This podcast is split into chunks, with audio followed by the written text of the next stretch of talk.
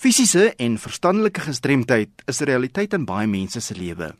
Daar is diegene wat direk betrokke is, byvoorbeeld iemand in 'n rolstoel of 'n familielid wat die nodige ondersteuning moet bied aan iemand in die gesin wat gestremd is. Daar is wel talle verhale van hoe mense hulle uitdagings wat gestremdheid betref oorkom. Kom ons sluit aan by Mariska Spoormaker wat met Monique Huiser gesels het. Die Saterdag, daardie 26ste Junie van 2014 het ek saam met my destydse kerel Kirkwood Wildsfees toe gegaan. En later daardie aand, die teen 8 rond het my hande yskoud geword en begin opkrul en toe ek by die huis aankom, is my ma my help uittrek. Ehm um, wie en weer aantrek want ek het net nie die krag gehad om dit te doen nie. Ek het griep hulle gedrink en ek het bed toe gegaan. En ek het die volgende oggend wakker geword en besef ek kan nie beweeg nie. Ons het aanvanklik nie geweet wat fout is nie, gedink is maar net soos 'n 'n erge griep of iets. Ek is na die provinsiale hospitaal hier in Uitenhage geneem en hulle het my nie dadelik professioneel behandel nie, soos glad nie. 10 uur daardie oggend het ek um, daar aangekom, verskriklik lank gewag om 'n dokter te sien. Teen 5 uur daardie middag het hulle gesê die enigste dokter wat my kan sien is 'n mansdokter en ek het gesê nee, dit is reg. En hy het my ondersoek en my vrae gevra soos of ek dwelms gebruik het, seksuele omgang gehad het en ehm um, die vraag wat my die meeste geskok het is uit my gevra of ek aansit. Ek kon glad nie meer loop nie. Ehm um, my ma en haar verloofde moes my na die motor toe dra en toe ek by die hospitaal aankom het ek in 'n rolstoel ehm um, die hospitaal binne gegaan. Ek het die hele tyd daar gesit so ek was totaal en al swak geweest. Ek kon ek kon skaars my arms meer lig en toe later daardie aand toe kon ek nie meer praat nie. Hulle hulle het toe ekstra hulle geneem en my op hoë suurstof gesit. Ek is toe die volgende oggend eers hier om en by 4 uur of 5 uur is ek eers na Livingston Hospitaal vervoer. Die diagnose is daarso gedoen deur 'n lampepunch. Ek het Guillain-Barré syndroom. Ek is daarso geïnhibeer eers deur die mond. Dit is waar hulle pyp deur jou mond sit in jou long in sodat jy kan asemhaal want op daardie stadium kon ek glad nie meer self asemhaal nie. Al my spiere is basies aangetast behalwe my hartspier. Nou dat jy praat van al jou spiere wat aangetast is, is dit wat Guillain-Barré doen? Verlamme elke spier in jou liggaam. Ja, dit dit is jou immuunstelsel wat jou senuweestelsel as 'n vyand aansien en dan val hy hom aan en dan breek hy die om die die omhulsel om die neuron. Die die miljoenskere is ehm um, vernietig hy en dan kan die sein wat van jou brein af gelei word na jou spiere na die, nie daar uitkom nie. Met die gevolg is jou spiere kan nie beweeg nie en dan is jy basies verlam. Maar ek moet sê, verlamde mense het geen gevoel ook nie. Vir ek was basies verlam geweest, maar ek kon alles voel. En dit is wat dit so erg gemaak het. Want jy lê daar so en jy is bewus van alles en jy kan alles voel. Ehm um, in daai tyd kon ek glad nie praat nie want die ehm um, suurstofpype wat deur my keel geloop het, het my stembande toegedruk, so ek kon glad nie praat nie. Dit was basies hel geweest. Dink jouself net gou in. Jy lê daar onbeweeglik. Jy kan nie praat nie, jy kan net jou oë knip. Want dit het soos al my spiere aangetast. My hart kon daarom self klop, so dit was regtig 'n wonderwerk geweest. En ek moet sê dit wat ek ondervind het in daardie tyd was iets wat seker niemand ooit sal kan verstaan nie. Jy lê daar en die mense kom en gaan herstel is baie stadig. Soos daardie miljoenskere wat afgevreet is en vernietig is, dit groei 1 mm 'n dag terug. So dit is ongelooflik stadig. En dit is ook hoekom ek so lank ehm um, gehospitaliseer was. Hoe lank was jy in die hospitaal? Ek was daar vir 149 dae. Elke dag het mense gedink, okay, ek het baie gewens. Okay, dit gaan soos 'n storie uit die Bybel wees. Dit gaan 'n 'n wonderwerk wees. Ek gaan nou net ewe skielik lewe kry en beweeglik wees en opspring en en uithardloop en skree, "Yes, kyk. Kyk wat het gebeur." Maar dit het nou nie so gebeur nie. Ek bedoel dit is nou al 3 jaar en soos 4 maande. En al my spiere se beweging is nou nog steeds nie terug nie, soos my voetspiere werk nie. So ek is nog steeds op die pad van herstel en alhoewel ek nou uit die hospitaal uit is en terug is by die skool en my eindeksamen kan skryf, laat dit mens nog steeds voel asof jy nie alles het nie. Ek kan sien ek ekskuus dat ek nou so vir jou keel kyk, maar ek kan sien daar sit 'n diep merk en wat jou altyd sal herinner aan die 149 dae. Ek was vir 133 dae aan 'n ventilator gekoppel. Ehm um, wat my gehelp het om asem te haal. En ek bedoel dit is iets wat ons almal net so ons ons dink nie daaraan nie. Jy haal net asem. En vir my was dit vreeslik ehm um, ek moes ek moes baie gefokus het om asem te haal. En nou nog baie keer. Ek sal soos net sit en dan besef ek hoorie maar jy haal nie asem nie. En dan okay. As hy haal asem.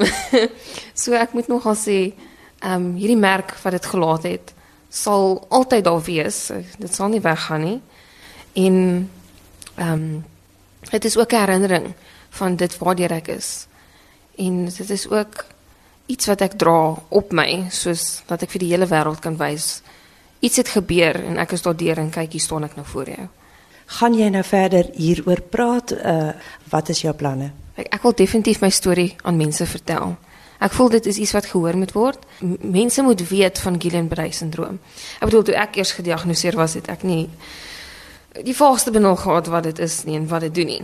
Maar daar is redelik baie mense wat Guillain-Barré gehad het of het en ek voel dat die mense moet bewus wees daarvan. Ek bedoel ek het daar gelê en dan sê die mense vir my dis eintlik 'n baie snaakse storie, dis baie kort ook. Ehm um, hulle sal na my toe kom toe ek nou kan begin vaste kos eet wat soos 2, 3 maande eers na die diagnose was. En dan vra hulle vir my, "Do you want the strawberry yogurt or the apricot yogurt?" En dan sê ek soos daar's niks fout met my kop nie. En jy kan net vir my sê wie jy die nee wie die nee. Dan sal ek sê, okay, my oë vir wys daai een. Maar dit is ook baie mense het vir na jou toe gekom. En selfs na die tyd toe ek nou in die rolstoel was en so dan kyk die mense jou so aan en hulle praat met jou asof jy soos verstandelik gestrem is en of jou breinfunksie ook nie werk nie. Jy praat van 2, 3 maande nadat jy opgeneem is dat jy eers weer kon soort van vaste kosse inneem. Ek neem aan jy het binneaardse voeding gekry. Ja, ek, ek kon nie sluk as gevolg van die pype wat in my keel is nie. So en ehm um, toe ek nou uiteindelik weer kon eet was die was die kos wat meestal sop was, was verskriklik sout geweest. So my smaak was ook aangetas. Het jy ooit gedink jy sal deur matriek kom toe jy daar gelê het?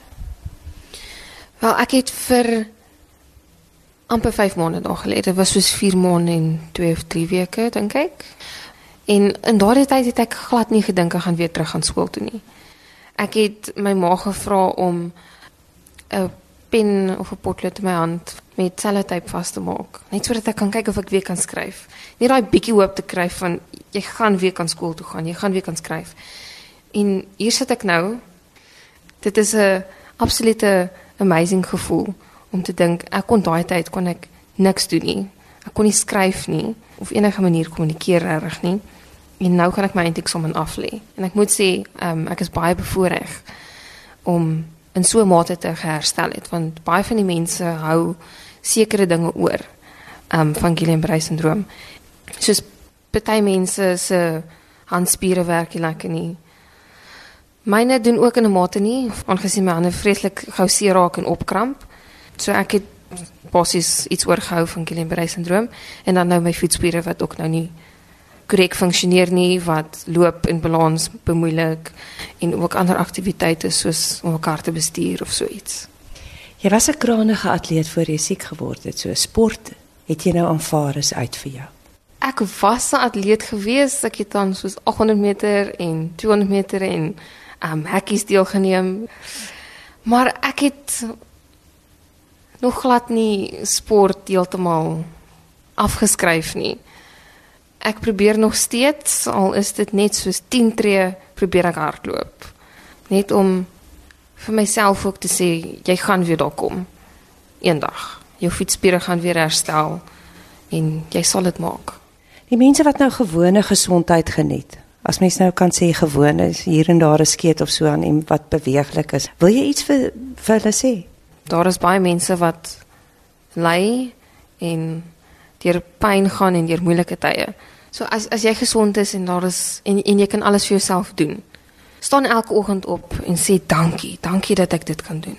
En moet net nie tyd mors met die lewe nie. Dit gaan so gou verby en soos jy net my storie kan aflei kan alles oornag verander. So sê Monique Huiser en Mariska Spoormaker het die bydrae versorg. Vir ons volgende item, hier is Fanie de Tooi. Vandag se program gesels ons oor gehoorapparaat, kostes van gehoorapparaat en die rol van die audioloog. En om saam te gesels is Jolandi van der Westhuizen. Welkom by ons by RC Jolandi. Baie dankie Fanie. Jy is 'n verteenwoordiger van die Suid-Afrikaanse Vereniging vir Audioloë, is dit korrek? Ja, dit is korrek Fanie. Nou ja, kom ons kyk of jy antwoorde kan gee op baie navrae wat ons ontvang het rondom gehoorapparaat, maar kom ons praat net eers oor wat 'n audioloog doen, sommer net sodat ons 'n bietjie agtergrond kry. Vonnie, volgens die gesondheidsraad is die die persoon wat verantwoordelik is vir die voorkoming, identifikasie, behandeling en rehabilitasie van 'n persoon met 'n gehoorverlies of dan nou 'n balansversteuring. So alles eintlik met gehoor van die beginpunt tot die einde daarvan, trek alles in die doel van die audioloog. Maar as ons nou kyk na die audioloog, jy noem nou rehabilitasie en dis meer nou. Kom ons begin nou, sê net maar die die gehoorapparaat, maar dis nie mm. net die gehoorapparaat alleen nie. Daar's natuurlik nou ander hulpmiddels ook wat gehoor tegnologie wat daar saam mee saamgaan. So dit is 'n hele pakket, né? Nee? Ja, dit is reg so vir nie. Dit is baie meer kompleks. Dis eh, vir sekere gevalle is dan met byvoorbeeld 'n gehoorapparaat aanbeveel. In sekere gevalle kyk mens na cochleaire implantings dit is 'n veld waarvan jy natuurlik baie weet en dan nou natuurlik vir kinders byvoorbeeld FM-sisteme vir die klaskamers daar's 'n verskeidenheid van tegnologie wat mens kan aanwend om te help ja natuurlik die cochleaire implanting is natuurlik uh, om 'n swaai is in my mm. lewe tot gevolg gehad natuurlik dat ek nou hier kan sit en met jou gesels in 'n onderhoud sonder om 'n tolk te gebruik na soveel jare en dit is 'n wonderlike gebeurtenis. So ja, dit is 'n baie omvattende saak, maar vandag moet ons kyk na advertensies wat mense soms lees of sien. Die breë gemeenskap kom na vore en hulle is bekommerd oor wat hulle lees. Byvoorbeeld, mm. Eh, onlangs was daar advertensies in die nuusmedia van ek dink is 100 of 200 of 300 rand wat gehoorapparaat aan geadverteer word.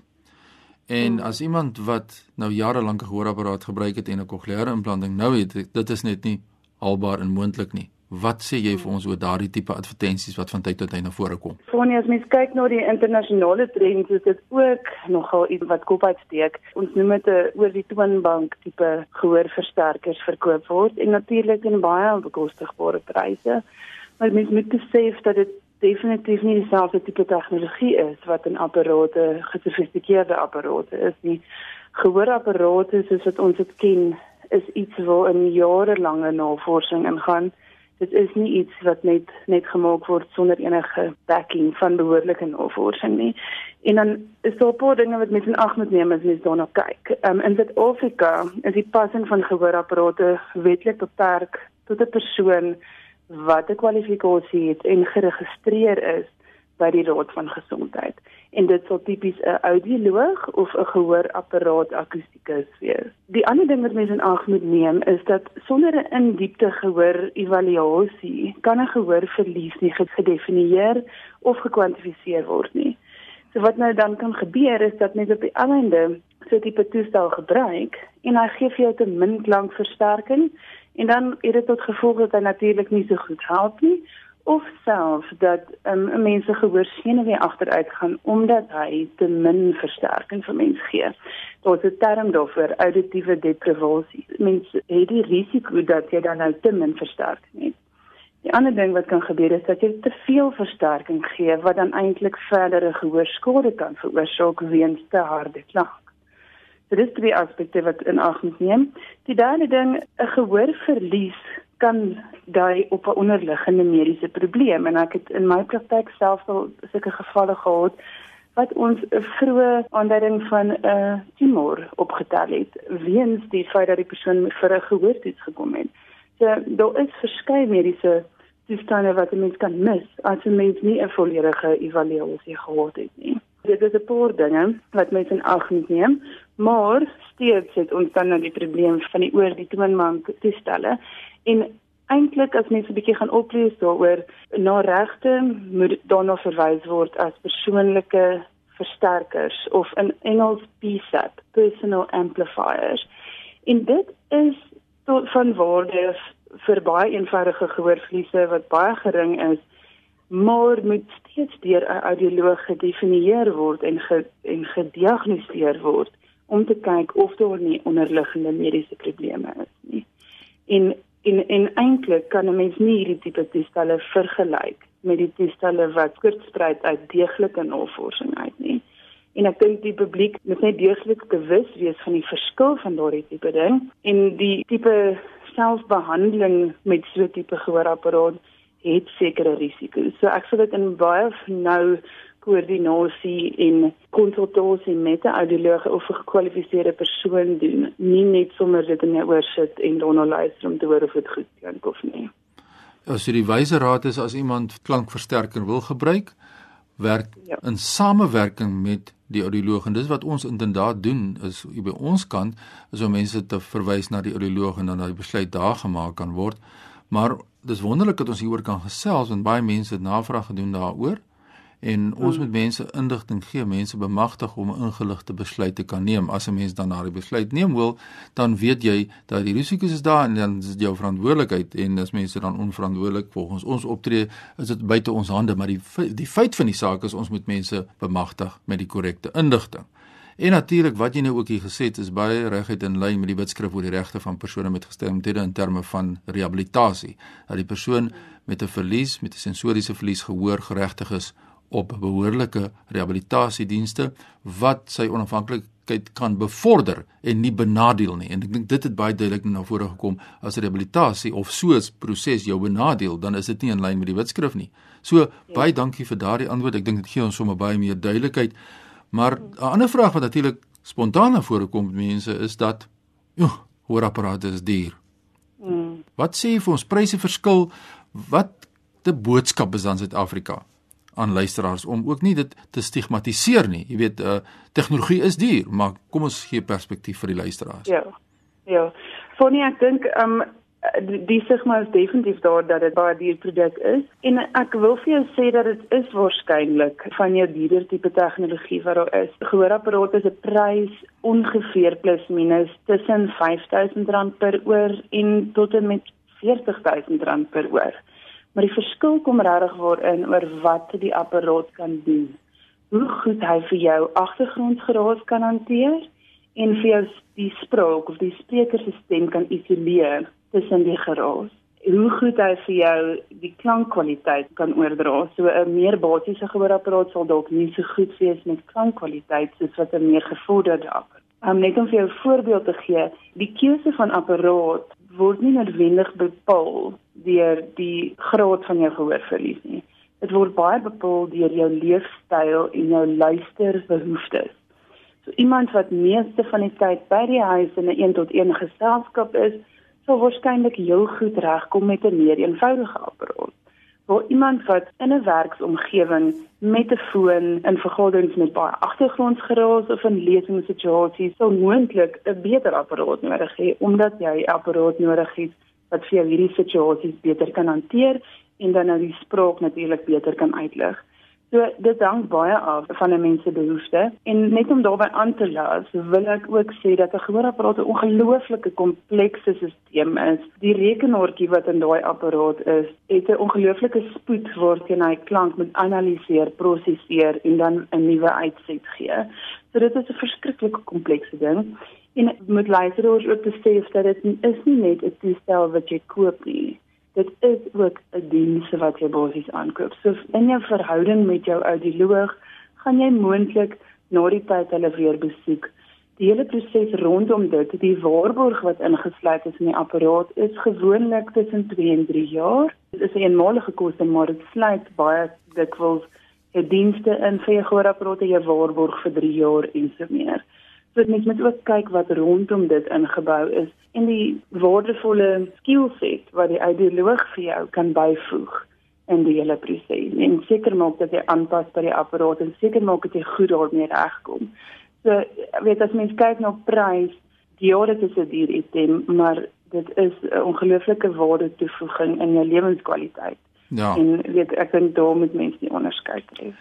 Ja, vir my is dit baie duidelik dat mense kan nie iets koop en dan verwag dan moet uh, rehabilitasie plaasvind daarna, maar dit is nie die korrekte toerusting wat ja. jy het nie. Ek dink die mense kan dit verwag dat dit moet gebeur nie. So ek voel tevrede met die antwoorde wat jy vir ons gegee het. Ek dink dit is baie insiggewend. Die tyd het ongelukkig uitgeloop. Ek wil in 'n volgende program bietjie met jou gesels oor kan 'n mens een gehoorapparaat oordra van een familielid na die ander een. Dit gebeur baie wat mense dit goed aangee. Wat is die proses? Wat is die proses as mense gehoorapparate het wat hulle nie meer gebruik nie? Wat beveel julle as audioloog aan? En ook persepsies rondom gehoorverlies. So asseblief gesels in 'n volgende program met my verder, dan trap ons hierdie ding nog verder uit. 100% dis dit reg voor. Nou waar kry mense die vereniging vir audioloog? Aan die hande SAAA soos dit bekend staan watter kontaknommer kan hulle skakel Kan ek vir jou webtuiste gee dit is www.audiologysa.co.za Raaf ons www.audiologysa.co.za Ja, dis 'n baie goeie webblad daar, die mense kan nagaan en kan staan na dink ek find audiologist en dan kan jy gaan in jou area, nê? Nee? Ja. Dis ja. reg. Ja, jy kan nie ek kan die naaste audioloog aan jou eh, weet aan jou vind en dan nou natuurlik kontak met maak met hulle. En dan is daar 'n telefoonnommer wat jy kan skakel. Cornel, sy is in beheer van ons administratiewe deel 082 727 5977. Raaf ons daai nommer? 082 727 5977. Baie dankie. Dit was die mening van Jolandi van der Westhuizen, sy's van SAAA, die vereniging vir Oulilo. Dis lekker om dit te gesels. Baie sterkte met al julle werksamehede en mag julle organisasie net van krag tot krag gaan. Baie dankie Fanie, ek waardeer. Dankie vir die geleentheid. Jackie, voor ek terug gaan, jou my e-posadres is fanie.dt by mweb.co.za. Groetens uit Kaapstad. En dit was Fanie de Tooy. Mooi dag verder.